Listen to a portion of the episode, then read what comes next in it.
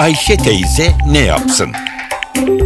Güngör Oras, Ayşe teyzeye ekonomide olan biteni anlatıyor.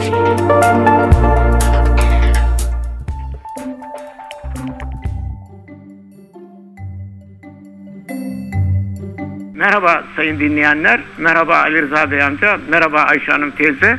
Dünya piyasalarında dalgalanma devam ediyor. O dalgaların etkisiyle Türk piyasalarında da işte döviz fiyatında hafif yükselmeler oluyor, faiz fiyatında yükselmeler oluyor.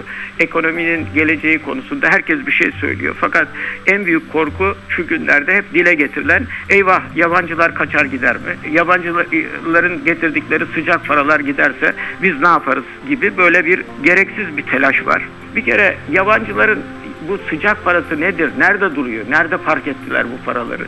Hem de istedikleri zaman çekip gidebilirler mi? O konuda size birkaç bilgi vermeye çalışacağım. Yabancıların borsada yaklaşık 70 milyar dolar paraları var. Dövizi getirmişler, bozdurmuşlar, Türk lirasına çevirmişler, hisse senedi satın almışlar. Hisse senetlerinde değer olarak yaklaşık %65'i yabancıların portföyünde. Bunlar borsadan pat diye kolay kolay çıkamazlar. Çünkü çıkabilmeleri için hisse senetlerini birilerine satması lazım. Sonra da o Türk lirasıyla da döviz satın alacaklar. Düşük fiyatla satmak işlerine gelmez. Yüksek fiyatla döviz e, işlerine gelmez. Onun için yani kısa zamanda borsadan öyle yabancıların pat diye çıkıp paralarını alıp gitmelerini beklememek gerekir. Bundan sonra yabancıların Türkiye'de sıcak para dediğimiz dövizlerinin büyük bir bölümü hazine bonosunda. Yaklaşık 65 milyar dolar paraları var hazine bonosunda. Faiz yükselince bono fiyatları kısa sürede değer kaybeder. En kolay çıkış bu hisse senetlerini satıp çıkmaktır ama değerini kaybetmiş hisse senetlerini bir an önce ellerinden çıkarmak sonra da yüksek fiyatla döviz alarak Türkiye'den gitmek gene hepsinin işine yaramaz. Sonuç yani Türkiye'de öyle battı batıyor gibi bir durum yok. Dünyanın başka ülkelerinde borsa endeksleri geriliyor. Başka ülkelerde de bono faizi yükseliyor. Türkiye her zaman yabancılar için carip bir pazardır.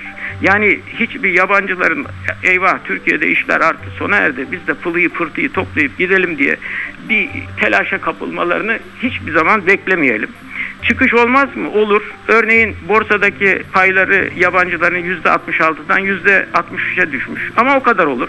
Bankalarda 5 milyar dolar bir paraları vardı. Oradan da çıkış olmuş. E, o da olabilir. Merkez Bankası'nın 130 milyar dolar dövizi var. Yani böyle durup dururken eyvah yabancılar giderse biz ne yaparız? Sıcak para birdenbire Türkiye'den çekip giderse Türk ekonomisi ne duruma düşer diye telaşa kapılmayalım. Şimdi bekleyelim taşlar yerine otursun. Taşların yerine oturması da herhalde bir zaman alacak. Bu değişimin hiçbir Türkiye'ye bir faturası olmayacak. Tabii ki olacak ama ben ümit ediyorum ki bu fatura hazmedilebilir bir fatura olacak. Bundan önce de biz benzer krizleri yaşadık. Onlar gibi bunu da atlatırız diye düşünüyorum. Bir başka söyleşi de tekrar birlikte olmak ümidiyle şen ve esen kalınız sayın dinleyiciler. Güngör Uras'a sormak istediklerinizi ntvradio.com.tr adresine yazabilirsiniz.